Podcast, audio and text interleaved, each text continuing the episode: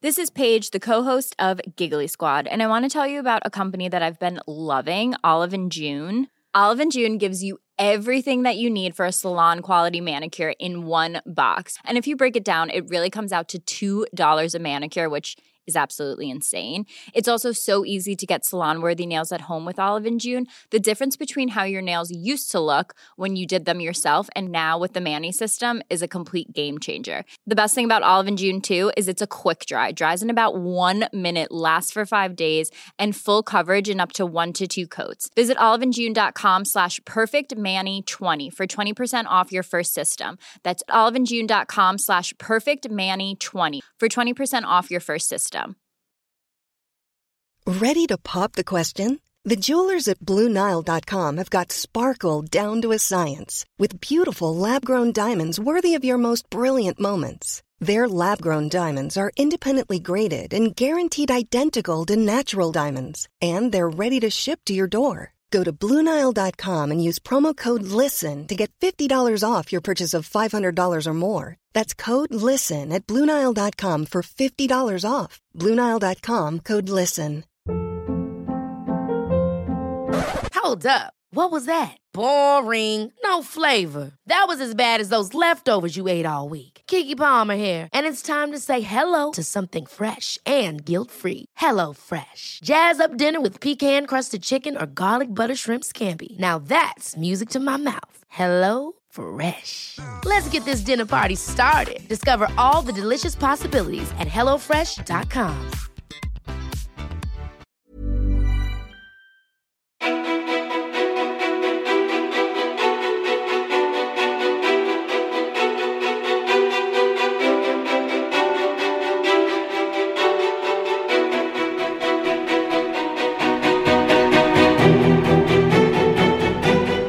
Amanda Ekström, eller Tuggmotstånd som de flesta känner igen henne som, är fotografen som vill bryta normer och brinner för inkludering.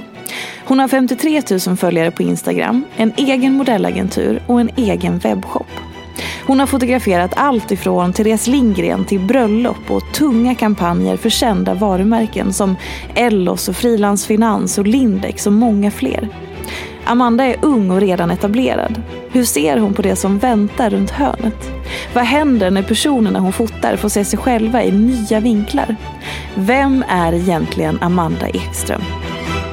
Varmt välkommen till podcasten Ofiltrerat med mig, Sofia Peterfia Ståhl. Hej och välkommen Amanda. Kan du börja först berätta var du befinner dig någonstans? Ja, för det första tack så mycket. Jag befinner mig just nu i min garderob på, mm. i vår lilla lägenhet som ligger i Borås. Så jag sa det precis att jag sitter med ett par jeans i ansiktet liksom som hänger ner från en galge typ. Och jag har druckit upp med lite pepparkakor och lite så kaffe och sådär. Så jag bara hoppas inte att min sambo ska komma hem nu för då kommer han inte fatta någonting liksom. Men här befinner jag och där, mig.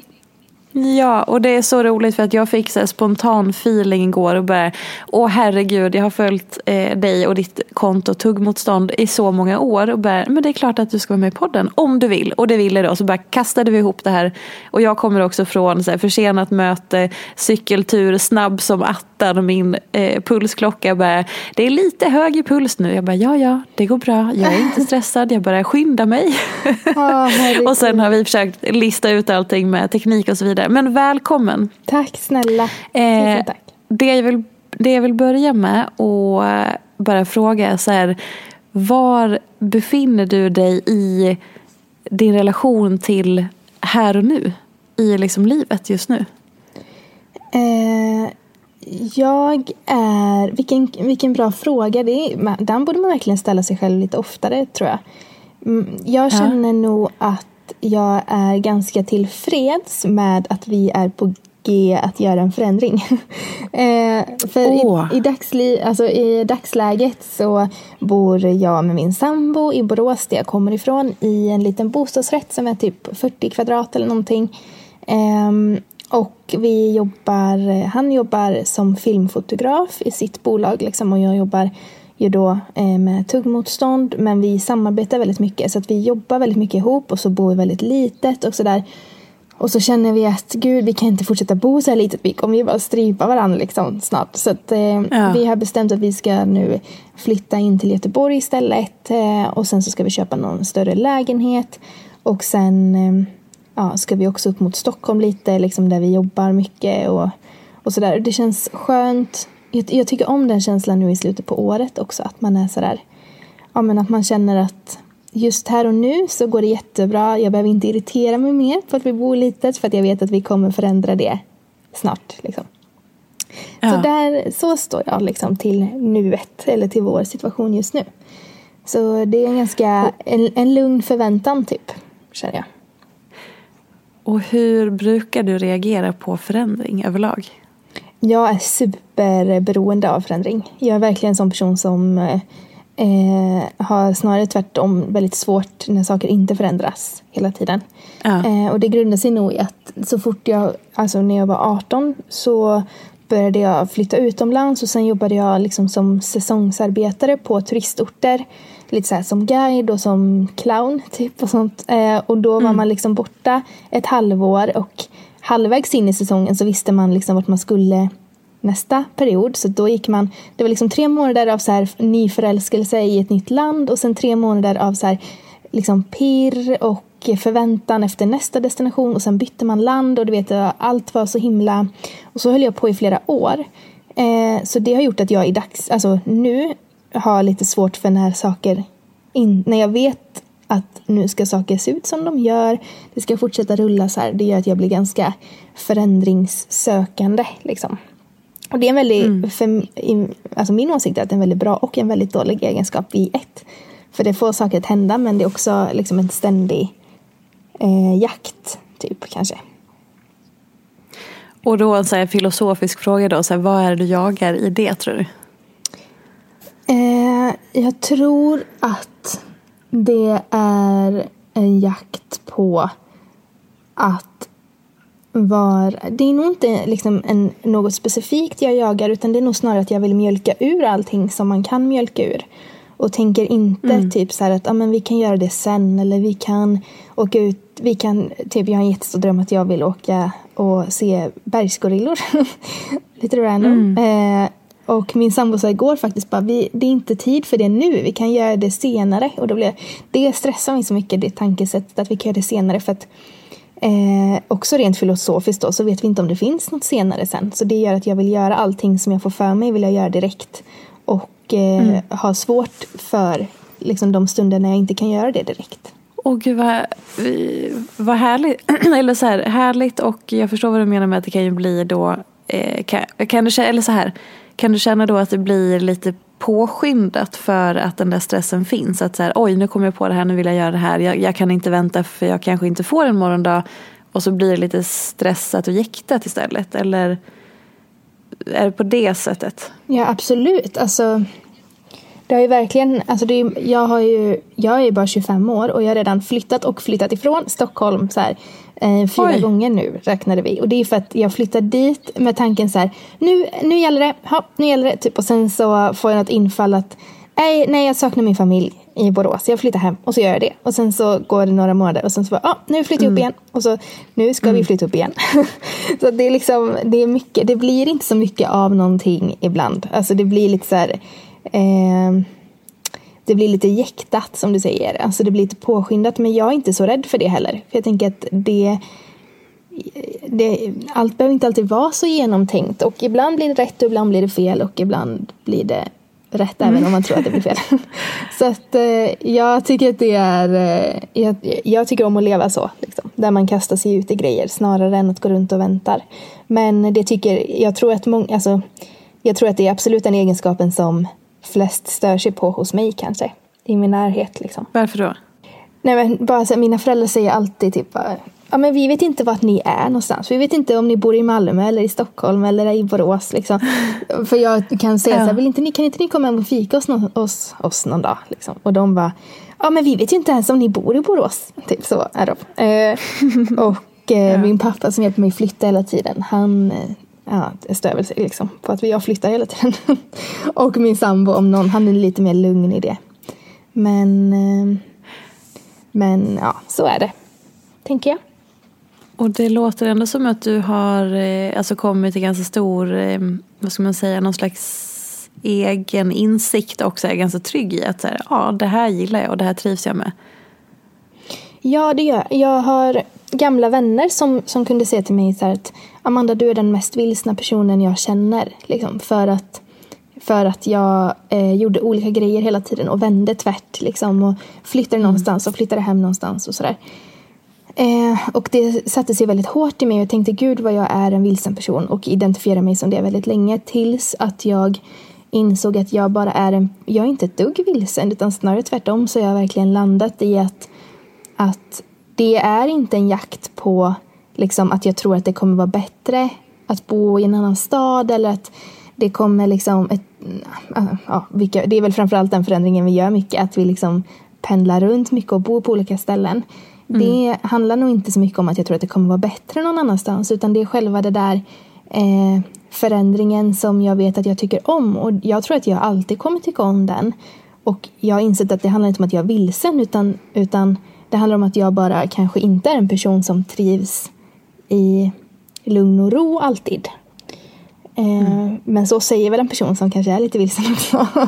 att man inte liksom tror att man är det. Men jag, jag, tror faktiskt inte att jag är det. Jag tror att jag, att jag bara är en person som trivs i lite fläkt typ. Men är vi inte väldigt snabba med att döma varandra, alltså döma andra eller döma andra, varandra utifrån att så, här, så fort det är någon som kanske inte är som en själv eller som inte är eh, som, som verkar som göra på ett annat sätt än det man själv absolut inte hade gjort så börjar, då är det som att det ska vara lite fel eller lite annorlunda eller att det måste vara något dåligt. För att sådär hade jag aldrig gjort. Att vi är mer i att man dömer än att man accepterar. Alltså då att, som till exempel dina vänner som bär, det är någonting i det här som inte är så bra. Fast du kanske inte alls mm. relaterar till det.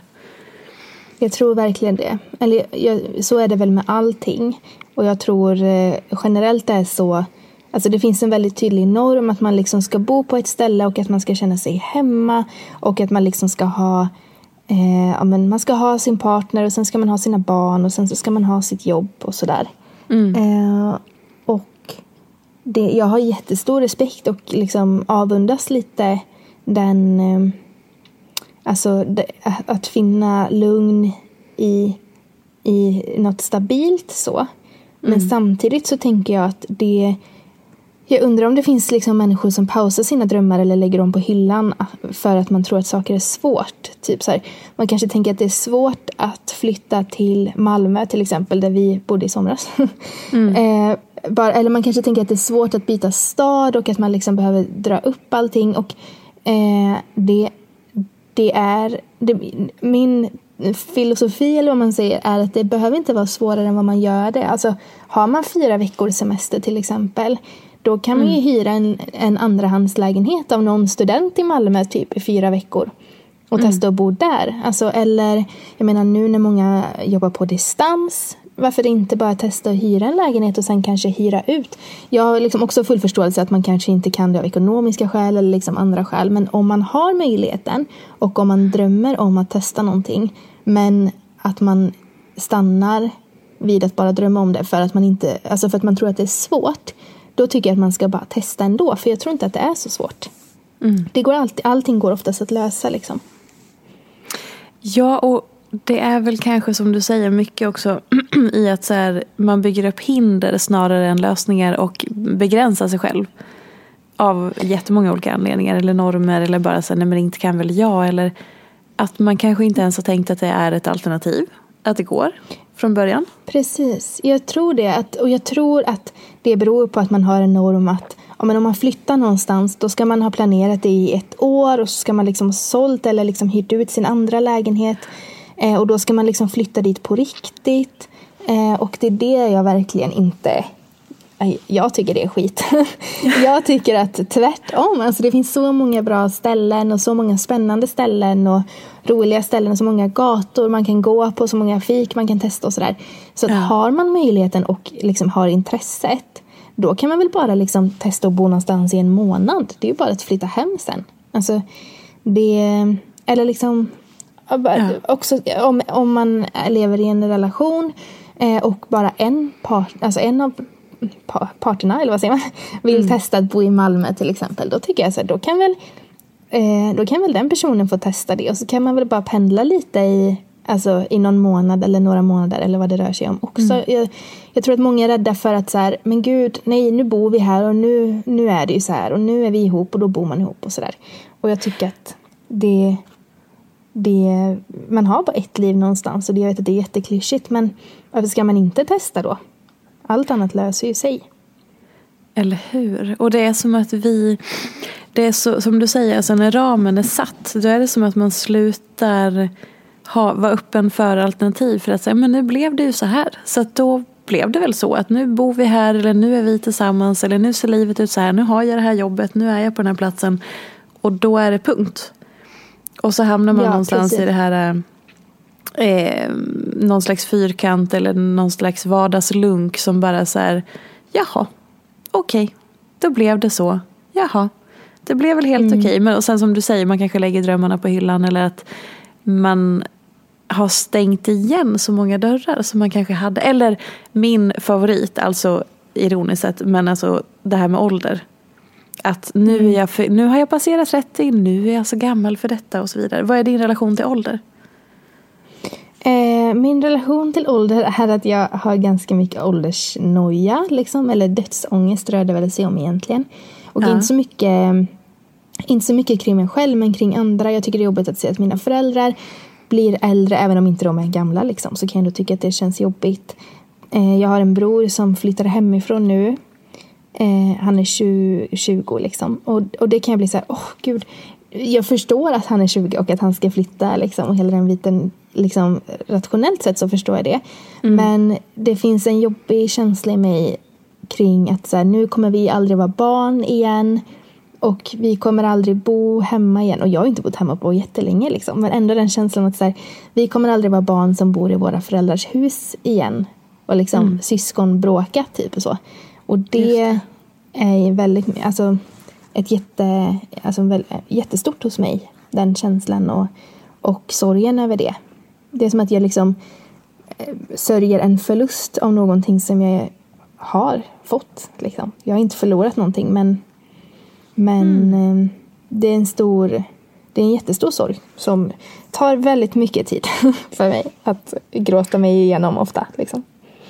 Vad intressant. Och Eh, så kan du, kan du för dig själv eh, sortera i den? och liksom reda ut i hur du ska då mm, bemöta den eller ta hand om den eller uttrycka den och så? Eh, nej, jag kan inte det riktigt. Och det... Eh, det jag gör egentligen är ungefär samma sak varje gång. Jag eh, börjar tänka så här, nej inte nu, inte nu. Vi som hade en sån mysig kväll, liksom, jag behöver inte börja gråta nu. Typ. Men sen mm. så blir jag väldigt ledsen och sen slutar det med att jag ringer min mamma som är väldigt så här, min mamma har jobbat inom sjukvården hela sitt liv. Hon har liksom sett allt möjligt och är väldigt, väldigt rationell. Och väldigt så här, ja, man lever, man dör, så är det liksom. Eh, mm. Så ringer jag min mamma och jag bara, åh nej, nu gråter jag för att jag tänker att ni kommer dö någon gång. Och hon, då, blir, då bara skrattar hon ju och är så här, ja, det kommer vi. Så kan du gråta över det och sen så kan du sluta gråta över det, för det kommer hända oavsett om du gråter eller inte. Liksom.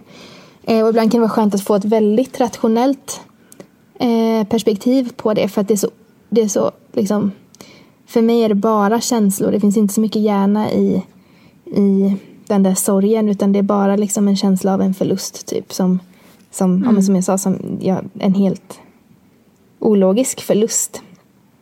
Och mycket sorg kring jag tror också jag har alla i livet liksom och alla som ja men jag, jag har alla i livet och det är en stor jag, jag tror också att det nu är jag helt, liksom, jag, jag hör att det här är helt ologiskt men det är en, det, på ett sätt är det en sorg för att i min hjärna omvandlas liksom glädjen som borde finnas över att jag har alla omvandlas till att jag blir ledsen över att jag inte kommer ha kvar dem för alltid. Just det. Och det är ju jätteosunt liksom. Men så är det nu i, i mitt huvud. Mm. och jag eh, har, som svar på din fråga har jag inte lärt mig att sortera det mer än så.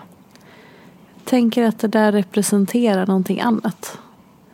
Alltså nu kommer bara en, en, en, någon slags liten egen analys här, men att, att många gånger när vi eh, går igenom saker som eh, Ja, men som till exempel dödsångest eller eh, det här som du beskriver eller andra saker. Som så, så, så, ungefär som att vissa saker är liksom symptom för något annat sår eller något, annat som det grundas i om du förstår vad jag menar. Att man, eh, man kan ibland se symptomen men att när man väl kommer till någon slags grundkärna så handlar det om någonting helt annat. Yeah. Verkar det rimligt? Alltså förstår du vad jag menar i det? Eh, jag förstår som absolut som vad du menar. Som att i symptomen här så, så handlar det om din familj eller liksom den sorgen och så vidare. Men, men grundkärnan är någonting annat, till exempel inuti dig eller rädslor i relationen till dig själv. Alltså nu bara hittar jag på någonting som exempel. Men att att det där är ett uttryck för någonting som du går igenom kanske med dig själv eller så. Nu var det en otrolig hobbyanalys som du inte hade bett om. jo, nej men absolut, så är det absolut. Alltså min bästa kompis Linnea brukar säga det till mig. Hon bara, du kanske istället för att ligga och gråta liksom, och säga att du är ledsen över att över att folk kommer dö och att liksom super, alltså existentiellt så att livet är livet och döden är döden typ. Så kanske mm. du ska sätta dig och börja fundera på varför du ens tänker så här. Liksom. Ja. Och hon har ju superrätt i det. Men jag har inte kommit dit än. Att jag har, för jag or, det är ofta som jag känner att nu ska jag ta tag i det här och sen så orkar jag inte ta tag i det när jag väl tänker att jag ska ta tag i det. Eller till exempel när jag gått i terapi för det så mm. har jag också Eh, jag har säkert inte gett ett tillräckligt ärligt försök, eller det har jag absolut inte. Men de tillfällen där jag har gått i terapi för det så har jag haft bra dagar. Liksom, vilket mm. har gjort att jag hör samtalet tar slut ganska snabbt. Att jag säger så här, ja men jag har ångest för att folk kommer dö och att livet är livet och döden är döden. Typ. Och så, mm. svarar, så svarar den här personen så här, ja men, ja, men så är det ju. Liksom. Och så säger jag, ja jag vet det. Och nu, eh, det är sant. Typ. Och så, så tar det slut. Men vadå, gräver de, gräver de inte djupare då? Jo, de, de gör säkert det om jag hade låtit dem göra det tror jag. Det, ah. det, för att jag, jag tycker själv, när jag har de här bra dagarna, liksom, då tycker jag själv att det är så himla dumt att jag ens tänker så. För att jag, då är jag istället väldigt rationell och tänker, ja men jag kan inte sätta ord på det riktigt då, utan de gångerna jag verkligen hade behövt gå i terapi är väl typ de där kvällarna när jag har sett något så sorgligt program på tv som börjar dra igång tankarna så här, nu kommer alla jag känner dö, typ. Och så mm. de där liksom som är som, det är som ett avgrundsdjup nästan i en sorg över någonting som jag fortfarande har. Det är så konstigt liksom. Men mm, det, det, är nog där det är nog där jag hade behövt ha när jag är i den känslan hade jag nog liksom behövt gräva i det. För det är väldigt svårt att nå den känslan eh, om den inte kommer av sig självt. Och då är det också svårt att jobba med den, tror jag. Ja. Jag kanske inte kommer behöva det nu efter det här samtalet känner jag. Vem, jo, jo, gud ja. Men, men jag tror att många kanske känner igen sig jättemycket. Och det som var intressant att vi just kom att prata om just om döden också. För det var ett par veckor sedan bara som jag hade en gäst som heter Bim Eriksson. Som eh, berättade mycket om sorgen efter att hennes pappa hastigt gick bort. Eh, och just att vi pratar så lite om döden och vi pratar så lite om sorg och att döden är ju det enda vi vet om livet, att det kommer ta slut. Och att vi pratar inte om det, så vi lever och beter oss som att döden inte existerar. Och det gör den ju ännu mer skrämmande. Vilket ju gör, alltså det är egentligen helt orimligt för allting annat är ju så otroligt närvarande. Men döden är liksom bara som att den, den porten har vi stängt tills det händer. Och då är det ingen som vet hur man ska hantera det. För att den har inte existerat när vi levde. Alltså om, ja, det är också så här, djupa filosofiska. Eh, men det är jättekonstigt att man inte pratar om det mer. Mm. Jag håller verkligen med. Och till och med när man har människor runt sig som, eh, alltså, som kanske mår väldigt dåligt eh, så vågar man inte ens fråga så här, tänker du på döden? Alltså mm. är du liksom, har du någon slags, alltså har du mörka tankar eller vågar du, alltså man, man rör inte ens döden så mycket att man vågar fråga om den. Liksom. Det är Men, helt... Ja. Och sen så tänker jag också det som du beskriver i eh, liksom den här sorgen och eh, eh, sorgen över att det du har och att det kanske kommer försvinna eller så. Men är inte det rädslor för någonting? egentligen. Jo, så är det säkert. Så är det säkert. Jag tror att rädslan i mig grundar sig nog i att jag liksom är typ ledsen för mitt framtida jag. Eller vad man säger. Att jag är rädd Ah. att, att, att det kommer vara så fruktansvärt jobbigt då, när det händer. Så det är som att jag är ledsen för det redan nu. Det är helt... Eh, alltså Just nu det. när jag inte sitter i den känslan så tycker jag att det låter helt eh, galet ju. Men, men där och då så, så känns det väldigt logiskt att vara ledsen Ja. för framtida jag. Liksom. Och mycket, en stor rädsla typ för att eh, en stor del av livet kommer gå åt att sörja typ. Eh, när man har så många människor runt sig som man för alltid vill ha Ja. så är jag rädd att, att eh, en stor del av livet kommer bestå av sorg. Och det är ju någonstans kanske också ett val hur man väljer att se på, på det. Och det också så superonödig förväntan, ångest typ. Alltså, jag vet ju inte hur det kommer se ut liksom jag vet inte hur gammal någon av oss blir eller liksom vad som kommer hända eller liksom hur våra relationer kommer utvecklas. Eller man, man har ju ingen aning om någonting. Så jag vet att det, är en ologisk, alltså att det är ologiskt men jag kan inte låta bli att ändå, jag tror att det rör sig ganska mycket om det. Att jag är ledsen för, för framtiden redan nu. Kan, eh, alltså ungefär som att du tränar på det för att förbereda dig för att du kanske inte har fått träna så mycket på att möta vissa känslor tidigare i livet. Återigen, en, bara en liten sån super... Alltså jag tänker för att om det är så här återkommande för alla som jag pratar med, alla er gäster jag pratar med i den här podden är just någonstans att så här, vi människor och våra föräldragenerationer och generationen ovanför, vi får liksom inte möta oss själva emotionellt för att vi har inte lärt oss det i våra generationer som har varit, så våra föräldrar har inte lärt oss det.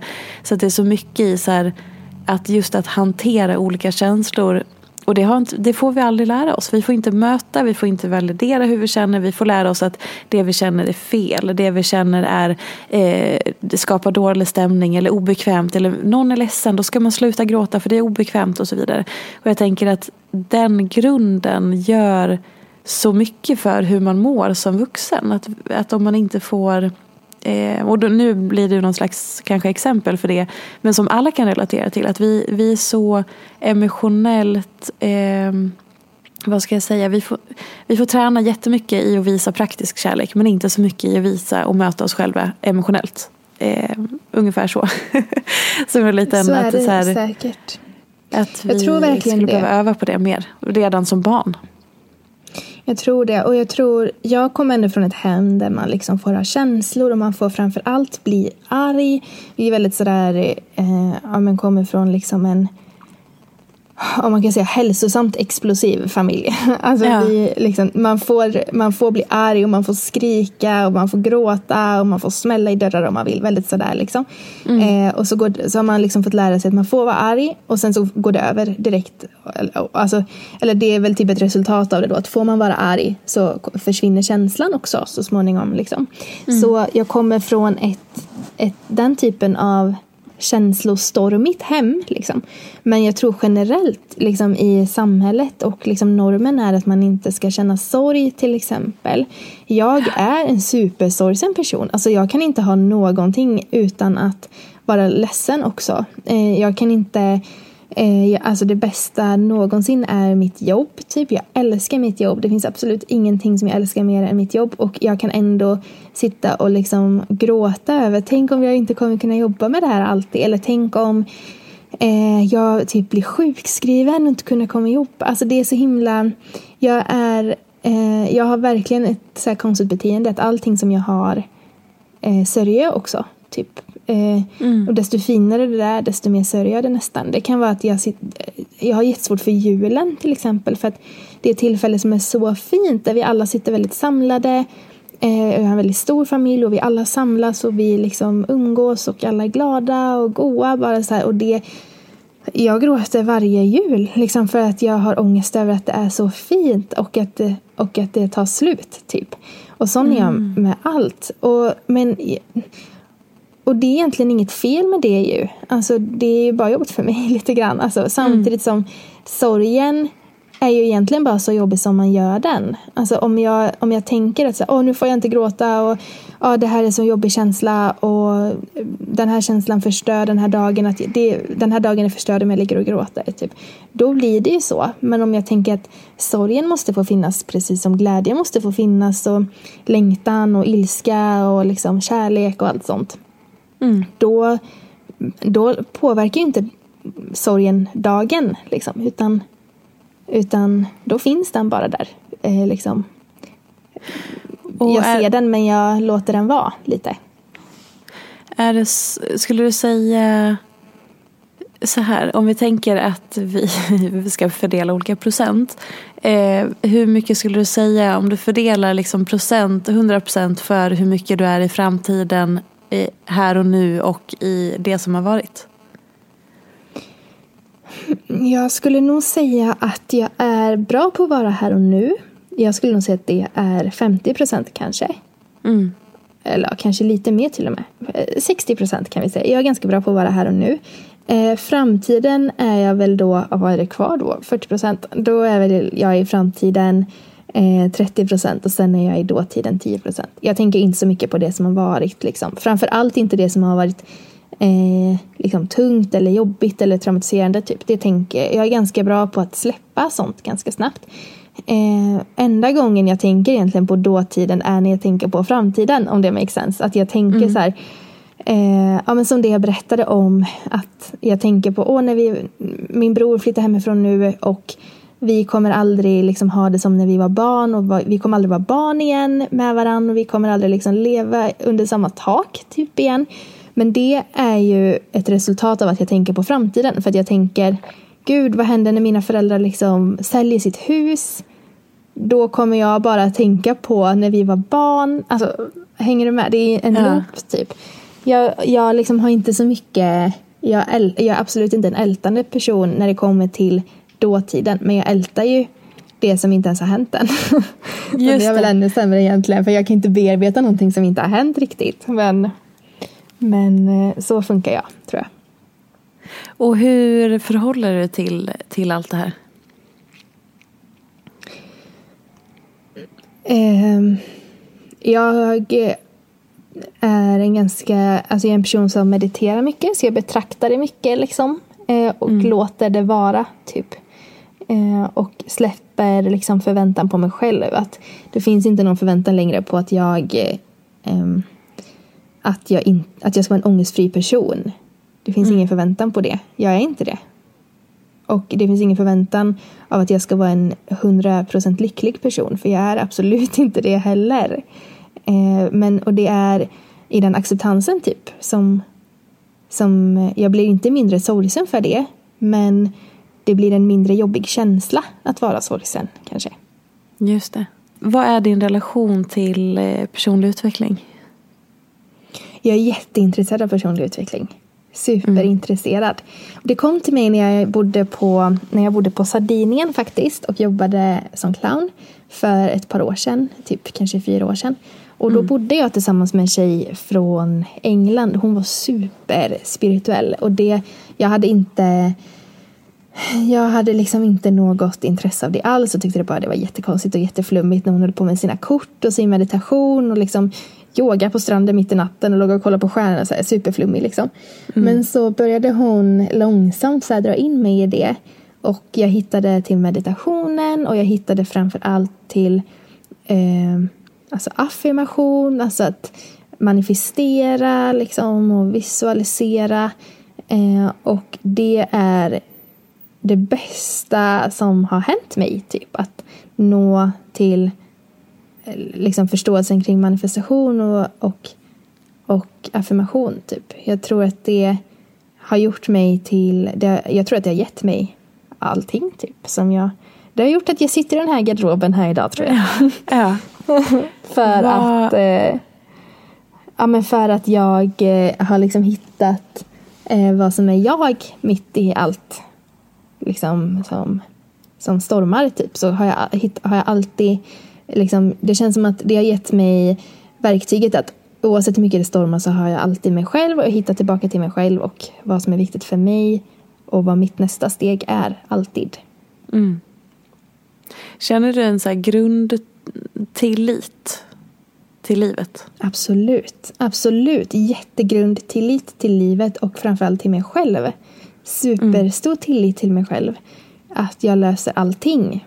Um, jag, jag litar så mycket på, på att eh, jag kommer att vakna varje dag och se till att det blir bra. Så det gör mig ganska orädd. För att jag tänker att ja men absolut så kan vi liksom eh, ja, men jag tror att när man jobbar som egenföretagare som jag gör så är det en ganska stor eh, ett ganska stort orosmoln kan det nog vara för att man vet inte om man kommer liksom gå runt och framför allt i början, det är verkligen så, kommer jag liksom gå runt och nu när man har jobbat ett tag så är det så här när man ska investera i grejer, bara okej, okay, kommer, det lös, kommer det löna sig? Kommer, liksom mm. så här, mm kommer jag stå en dag och inte ha, liksom, ha noll kronor på kontot och inte kunna bo någonstans? Men där har jag en sån stor tillit, alltså det är bara ett exempel. Allt i mitt liv kretsar typ kring tilliten till mig själv. Att jag vet att jag kommer liksom inte vakna upp varje dag fram tills att jag har noll kronor på kontot och står utan jobb eller liksom utan, framförallt utan det här roliga jobbet som jag verkligen älskar. Jag kommer liksom inte vakna upp varje dag och bara jag ska inte lösa det idag. Utan jag kommer liksom vakna upp och se så här, okej, okay, oj, det går ut för. Då löser jag det idag. Liksom. Ja. Eller i alla fall aktivt försöka lösa det. Eller till exempel vid, ett, eh, vid en flytt då, eller liksom något sånt så vet jag att jag kommer inte gå runt och vakna en dag och vara 40 år och eh, fortfarande inte trivas i det där hemmet utan då kommer jag ha flyttat hem. Alltså, det, jag, har en väldigt stor tillit till mig själv att jag kommer lösa saker längs med vägen. Och jag har framförallt en väldigt stor tillit till att jag inte kommer göra någonting som jag inte mår bra av. Eh, och det gör att jag också då får en tillit till livet. Liksom. Apropå det här med att eh, när det går utför som du sa. När du vaknar en dag och känner att så här, oh, eller utför, men att det är så här, oj nu, nu går då jobbet i det här fallet eh, inte riktigt åt det hållet jag vill. Hur, eller när gick det lite åt det hållet senast skulle du säga? Igår typ. eller just uh. nu gör det det. Eh, inte för att det inte går bra, för det går jättebra, men jag känner typ att det går lite halvbra med allting. Eh, mm. Eller att det blir kanske inte riktigt som jag tänkt mig. För att eh, mitt bolag Tuggmotstånd då, vi gör mycket reklamproduktion så att vi filmar och fotar reklam men liksom med fokus på inkludering. Mm. Eh, och sen eh, jobbar jag också med sociala medier och med Instagram då. Men jag har också en butik, alltså en onlinebutik där vi säljer print som är lite så kroppspositiv och lite så här, ja men feministisk konst helt enkelt. Och så är vi mm. också just nu uppstarten av en modellagentur. Mm. Och jag känner just nu att jag är i en period där alla de här liksom benen precis bär. Alltså inte liksom ekonomiskt eller så här, alltså inte på det, men alltså lite i min vision typ att ja men eh, hemsidan ser typ ut som jag hade velat, inte riktigt. Printen ser typ ut som jag hade velat, inte riktigt. Eh, mitt arbete med mina liksom, produktioner blir typ som jag vill, men inte riktigt. Alltså allting blir lite halvbra. Mm. Och det eh, blir jag galen på, för då jag att ah, ingenting blir som jag vill. Och det så, sättet jag hanterar det på är att jag backar lite liksom, och typ andas och sen så sätter jag mig och gör ett dokument och så skriver jag så här, okej, okay, modellagenturen. Vad vill jag, vad är min vision? Och, vad, och så gör jag en punktlista bara, vad behöver jag göra för att den här visionen ska gå i uppfyllelse liksom. Och sen mm. så nästa punkt, webbshoppen. Hur var min vision? Och sådär. Eh, så, så gör jag när det går ut för. Det är nu som det går ut för typ. för mig. Så då är du, alltså du är ändå ganska konkret ganska snabbt. Att du säger okej okay, nu märker jag det här, identifierar det här, typ att det skaver och sen så börjar pang bom, okej okay, då fixar jag lösningsmode på liksom. Verkligen, verkligen och det är eh, jag blir väldigt sån så här okej okay, nu finns det bara den här lösningen eller den här lösningen. Typ, okay. Om vi har ett problem, då gör vi så här. Så att min sambo kan ju bli jätteirriterad på mig. Han kan ju vara så här, okej okay, Amanda, jag behöver inte lösa det här nu. Jag vill bara få vara irriterad. Liksom. Eller jag vill bara få vara ledsen typ, om det är någonting som han bär på. Då blir jag så här, mm. ah, fast nu löser vi det så här, så här, så här. Så att mm. eh, eh, det är ju det gör ju att saker förändras och det händer ju grejer. Men det är ganska okänsligt ibland att vara superlösningsorienterad. Mm. Tror jag. och började fick så här, det började dyka upp en så fråga. Hur, eh, tror, eller hur upplever du och tror att du är som kompis? Jag tror att jag är en person som man ringer när man när man vill någonting men kanske inte riktigt till exempel idag så ringde min kompis till mig och bara Ska jag köpa en katt? Och jag bara, ja men det är väl klart det ska. Hon bara, jag visste att du skulle säga det, det var bara det jag behövde höra. Typ. Ja. Eh, lite, lite sånt tror jag. Jag tror inte att man ringer mig om det är ju jättetråkigt. Men jag tror nog inte att man ringer mig om man vill ligga och gråta i en säng en hel dag. Då ringer man mm. nog någon annan. Mm.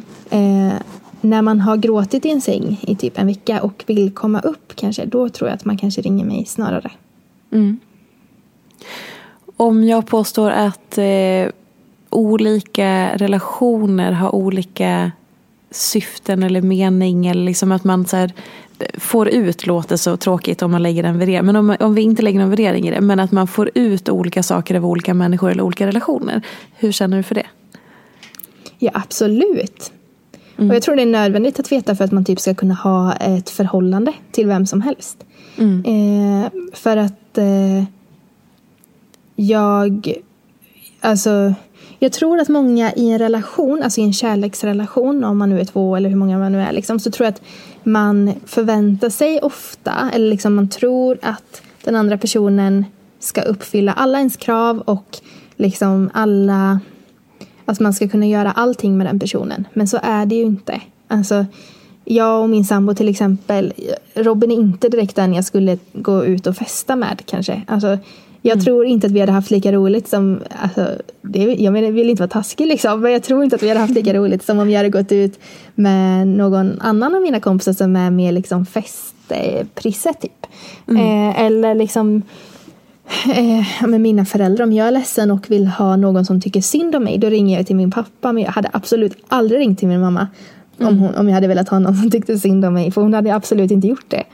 Eh, så att eh, jag tror absolut det. Jag tror det är nödvändigt att, att, liksom, att acceptera det. tror jag. Mm. Om vi går in lite grann på eh, alltså ditt, ditt konto och ditt jobb framför allt eh, med allting som har med tuggmotstånd att göra var som att det liksom svepte in över sociala medier för några år sedan. Och så blev det en superhype därför alla liksom hittade till dig och älskade det du gjorde och var såhär, gud vad befriande. Det är i alla fall min upplevelse, att du kom in som en positiv eh, fläkt eh, och att du var väldigt tidig med det du gjorde och ditt budskap. Eh, hur märker du att de du fotar, eh, alltså vad, det, det du gör, vad betyder det och hur, hur, hur landar det i de som är framför din kamera någonstans? Eh, gud vad fina ord förresten. Det var jättefint beskrivet. Jag blir jätteglad. ja men det ska du ha. Det ska du ha. eh, tusen tack. Eh, jag tror att mina modeller Eh, det som händer, tror jag, hos de flesta, inklusive mig själv när jag blir plåtad, mm. är att man ser alltså sig själv från något annat perspektiv. Och responsen är nästan alltid samma. Så här, Gud, jag kunde knappt tro att det var jag på den bilden. Liksom, Gud, jag visste inte att jag såg ut så. Alltså, mm. Och massa hjärtan och gråtgubbar. Typ, så här. Men, och jag tror att det är det som händer att man att man eh, ser sig själv från en annan vinkel kanske också bara. Alltså man ser alltid sig själv lite så ovanifrån, man ser sig själv i spegeln, man ser aldrig sig själv när man liksom är så superskrattig och får massa skrattrinkor och liksom eh, eller i en rörelse ser man typ inte heller sig själv så ofta.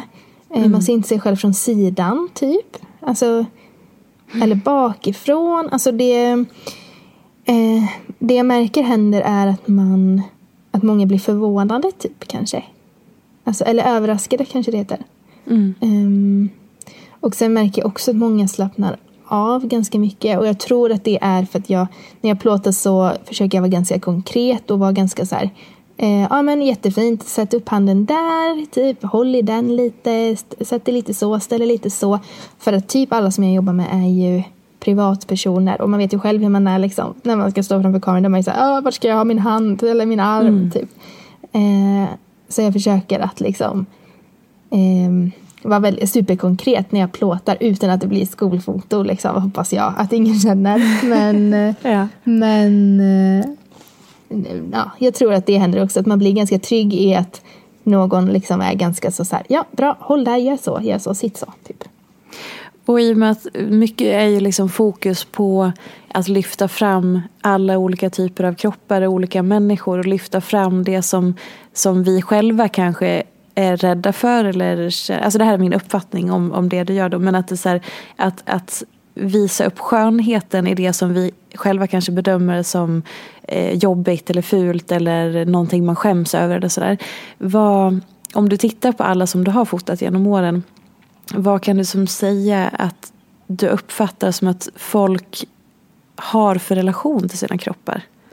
Om vi liksom lägger just i hur man kanske behandlar sig själv eller hur folk ser på sig. Och förutom då att folk blir glada som du säger för att de får se något annat. Men, men hur, hur, hur pratar folk till sig själva eller sin kropp? Eller liksom, vad, vad kan du ta med dig från det?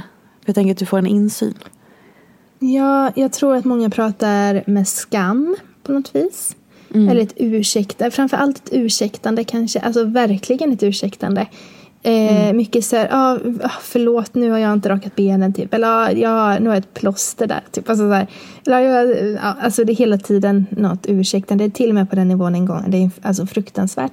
Jag skulle plåta en kampanj och så tog en av modellerna undan mig i ett rum och så sa hon så här Amanda jag måste verkligen bara be om ursäkt men det är så att jag har haft lite mycket nu den senaste månaden typ och Eh, och så berättade hon för mig att hennes granne hade liksom eh, utsatt henne för ett övergrepp typ och det har varit polisen inblandad men, och väldigt sådär eh, ja, fruktansvärt. Och så avslutar hon med att säga så, här, så att jag har inte hunnit raka mig under armarna riktigt den här månaden. Liksom.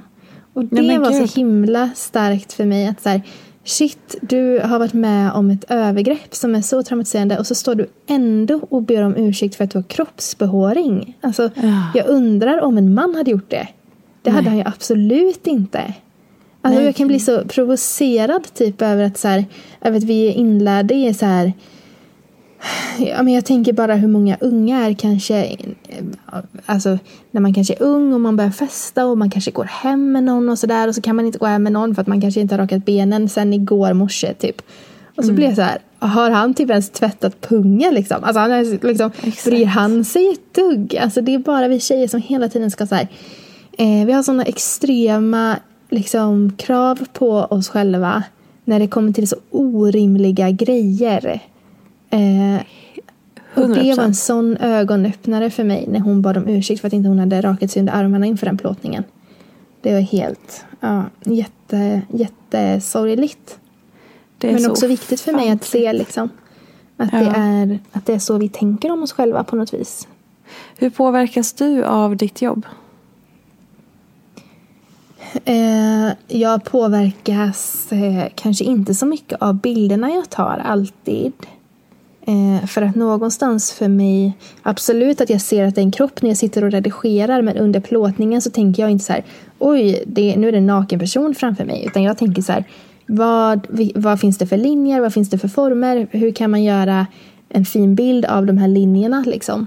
Eh, mm. Eh, för mig blir kroppen, eh, det låter superklyschigt men det blir ju något form av konstverk eller liksom som någon slags någonting att göra konst av eller liksom göra en bild av. Mm. Eh, men personerna som jag plåtar påverkar mig väldigt mycket. Eh, till exempel så plåtade jag en kvinna en gång som hade stomipåse. Hon, hade, hon var under en cancerbehandling. Eh, hon var väldigt ung och hon, eh, tog, hon klädde av sig så stomipåsen kom fram. Eh, och så säger hon så här, hon bara, ja, i början tyckte jag inte om den. Liksom. Men förhoppningsvis mm. kommer jag ju få leva med den i 60 år till. Så det är bara att börja mm. älska den. Liksom. Och mm. eh, hon, hon överlevde inte den cancern. Och det har satt sig väldigt djupt i mig just det där som hon sa. Att förhoppningsvis får jag leva med det här som jag har svårt för att acceptera. Förhoppningsvis får jag ha den i 60 år till.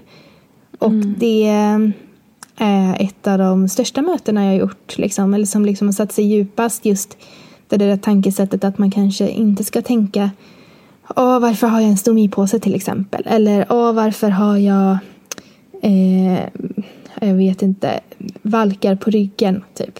Man mm. kanske ska tänka så här, om jag har tur så får jag ha de här valkarna på ryggen i 60 år till. Mm. Åh gud, jag ryser på armarna.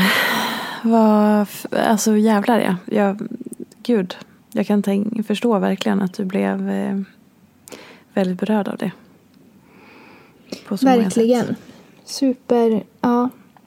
Det blir, jag tror att det hör Eh, om man går tillbaka till det existentiella som jag har då, lite den här existentiella ångesten, så, mm. så hjälper det lite grann faktiskt att, att ibland stanna upp och så här eh, jag har en stor respekt för tid och för tiden går och för livet och för döden och allt det där.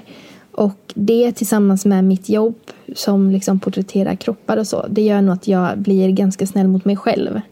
Mm. Och tänker ganska mycket så här, ja men herregud, gör det någonting då? Om jag ha lite ja, men, valkar på ryggen till exempel. Och jag mm. börjar tycka att det är väldigt fint istället. För att gå runt och liksom försöka dölja dem på något sätt. Gud vad fint. Jag blev så här, alltså det man kommer tillbaka till någonstans är ju att, alltså, som vi säger, att det man har, det har man nu. Och så blir det så här, åh men gud vilken klyscha, men vad fan, det är ju så. Vi har ju bara det här, nu, nu, nu. Det är det vi vet. Ja, verkligen. Det är verkligen så. Och det är jätteklyschigt men det är ju en anledning till att det är en klyscha tänker jag. Exakt. Det är för att man alltid har behövt höra det kanske. Eller hur. men du, om vi ska eh, tyvärr börja avrunda men innan vi gör det så ska du få den sista frågan som alla mina gäster får. Och det enda okay. uppgiften i detta är att inte säga Instagram för att det vet alla. Eller det vill alla säga, mm. det första de vill. Så frågan kommer här. Vad är inte som det ser ut? Eh, relationer då. Det skulle mm. jag säga. Utveckla. Kärleksrelationer, kärleksrelationer, familjerelationer, kompisrelationer framför allt tror jag. Ja. Eh, jag påverkas jättemycket av att jag tror att alla i en kärleksrelation alltid går runt och mår bra. Eller mår bra, men alltid går runt och är lyckliga. Eller liksom alltid går runt och är superkära, typ. Eh, mm. så är det ju inte. Alltså så... Eh, eller antar jag att det inte är. Liksom, de som jag har pratat med upplever mm. inte att man går runt och hela tiden är superkär i sin partner. Liksom. Eh, utan att man oftast är det. Men att det också är helt okej att ibland inte vara det. Jag och min kille har så här, ibland kan vi bara eller jag sa till honom någon gång bara Robin hur ofta är du kär i mig? Och han bara kanske fem dagar i veckan. och jag bara ah, det är nog som jag är kär i dig med typ. Så det är ganska skönt att så här, inte ha den liksom, förväntan att man ska gå runt och vara superkär hela tiden. Likadant mm. med ens föräldrar. Man tänker hela tiden att alla har så bra relationer med sina föräldrar eller med sin familj och så är det absolut inte. Eh, och det är också okej okay att liksom även om man är familj, att störa sig, att vara osams, att bråka. Liksom. Mm. Att inte bråka är också okej. Okay, liksom. Och med vänner framför allt. Det är jätteofta som folk skriver till mig att, att så här, jag har inga kompisar. Typ. Alla mm. andra har så stora kompisgäng. Eh, och det kan jag också känna, så här, gud vad alla har kompisgäng hela tiden. Och jag har inte det, utan jag har snarare så här, många liksom, vänner som inte känner varann. Eh, mm. Och, och, men alltså det är, väl, det är också jättekul. Mm. så att, eh, jag tänker att det finns en förväntan. Och jag har också haft stunder i livet där jag absolut har haft inga vänner. Och det var inte lika kul, men det var också normalt. Alltså, det, och det löste sig sen. Så att jag hur, tror att relationer hur, framför allt. Hur löste det sig? Eh, genom att jag, eh, att jag förändrades, typ. Att jag, mm. när jag till exempel blev, alltså inte att jag kanske förändrades i mitt beteende men att jag förändrades i mina intressen. Till exempel innan så satt jag hemma och jobbade eh, med mitt företag. Blev så här, gud, här kan inte jag sitta, det är jättetråkigt. Liksom. Så mm. då skaffade jag en ateljé och genom ateljén lärde jag känna andra typer av konstnärer. Eh, och det finns ju om du bor i typ vilken stad som helst så fin- och jobbar med något kreativt så finns det oftast liksom kontorsplatser eller typ kreativa så ateljéer eller studior man kan hyra. Och där mm. lär man ju känna folk som är som en själv. Alltså om man nu är en kreativ person till exempel. Um, så så har det löst sig för mig att jag liksom har blivit ganska lösningsorienterad i det också. Okej, så här, jag trivs inte med att bara sitta hemma och jobba själv. Vad ska jag göra då? Då får jag gå och jobba någon annanstans där andra, där andra sitter också. Liksom. Mm. Gud vad bra. Jag tror att det där är eh, verkligen spot on just med relationer. Och just också som man kanske inte pratar så mycket om det här med att alltså vänskapsrelationerna och att väldigt många kanske bara man ser de glada gängen och that's it. Mm. Och så tänker man att det är något fel om man själv inte tillhör ett sånt.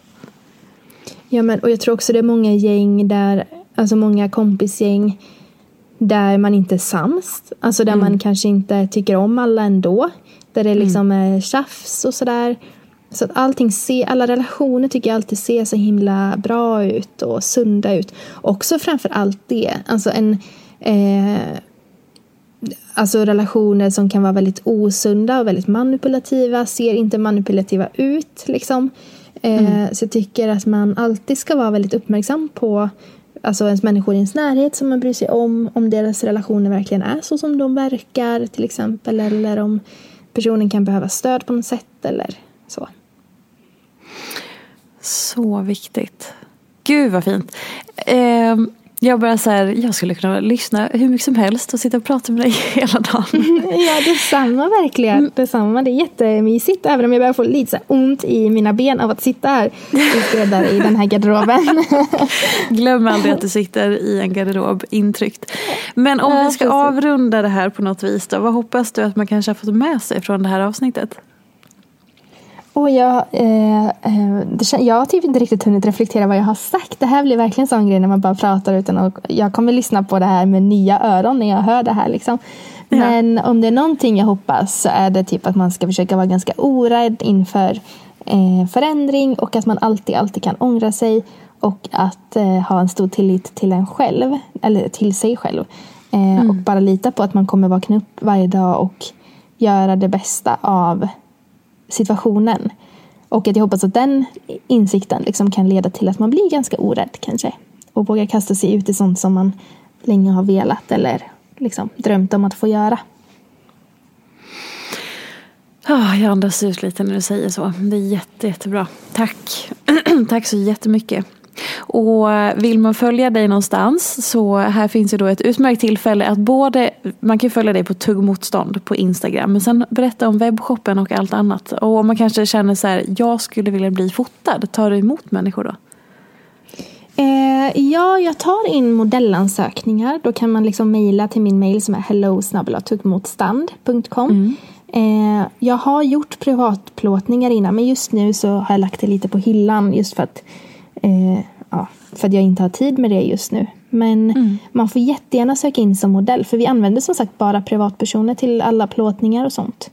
Eh, men webbshoppen heter tuggmotstand.com. Där kan man gå in och eh, just nu har vi fyra olika kreatörer, fem olika kreatörer har vi som säljer vi har både så print men vi har också lite keramik och vi har kompisböcker typ och lite sådana ja, fina grejer. Eh, och sen håller vi på nu, om man är konstnär till exempel och vill göra kroppspositiv konst så får man jättegärna gå in på hemsidan och fylla i formuläret där för vi håller på att liksom värva nya eh, konstnärer också. Så så kan man också göra. Fantastiskt. Tack så jättemycket för att du ville vara med och gästa Ofiltrerat. Och vi undersöker allting som har med tuggmotstånd att göra. Och vi hörs igen nästa vecka. Och jag hoppas att du kommer gilla det här avsnittet när du lyssnar på det själv sen. ja, tusen tusen tack att jag fick vara med. Jätteroligt verkligen. Tack till er som har lyssnat och puss och kram. Vi hörs nästa vecka. Hej då! Följ mig gärna i sociala medier. Jag finns på Instagram som peterfia och bloggar på peterfia.se. Jag blir så glad om du vill recensera den här podden, prenumerera och lämna gärna önskemål på gäster. Vi ses i sociala medier. Ha det gott så länge. Hej då! En podd från Allermedia.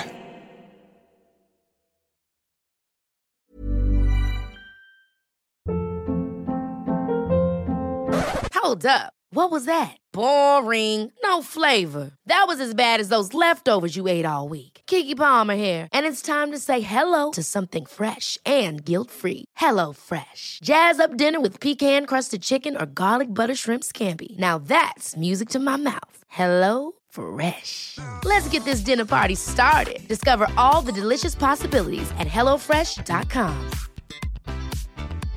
Imagine the softest sheets you've ever felt. Now imagine them getting even softer over time. That's what you'll feel with Bowl and Branch's organic cotton sheets. In a recent customer survey, 96% replied that Bowl and Branch sheets get softer with every wash. Start getting your best night's sleep in these sheets that get softer and softer for years to come. Try their sheets with a 30-night guarantee. Plus, get 15% off your first order at bowlandbranch.com. Code BUTTERY. Exclusions apply. See site for details.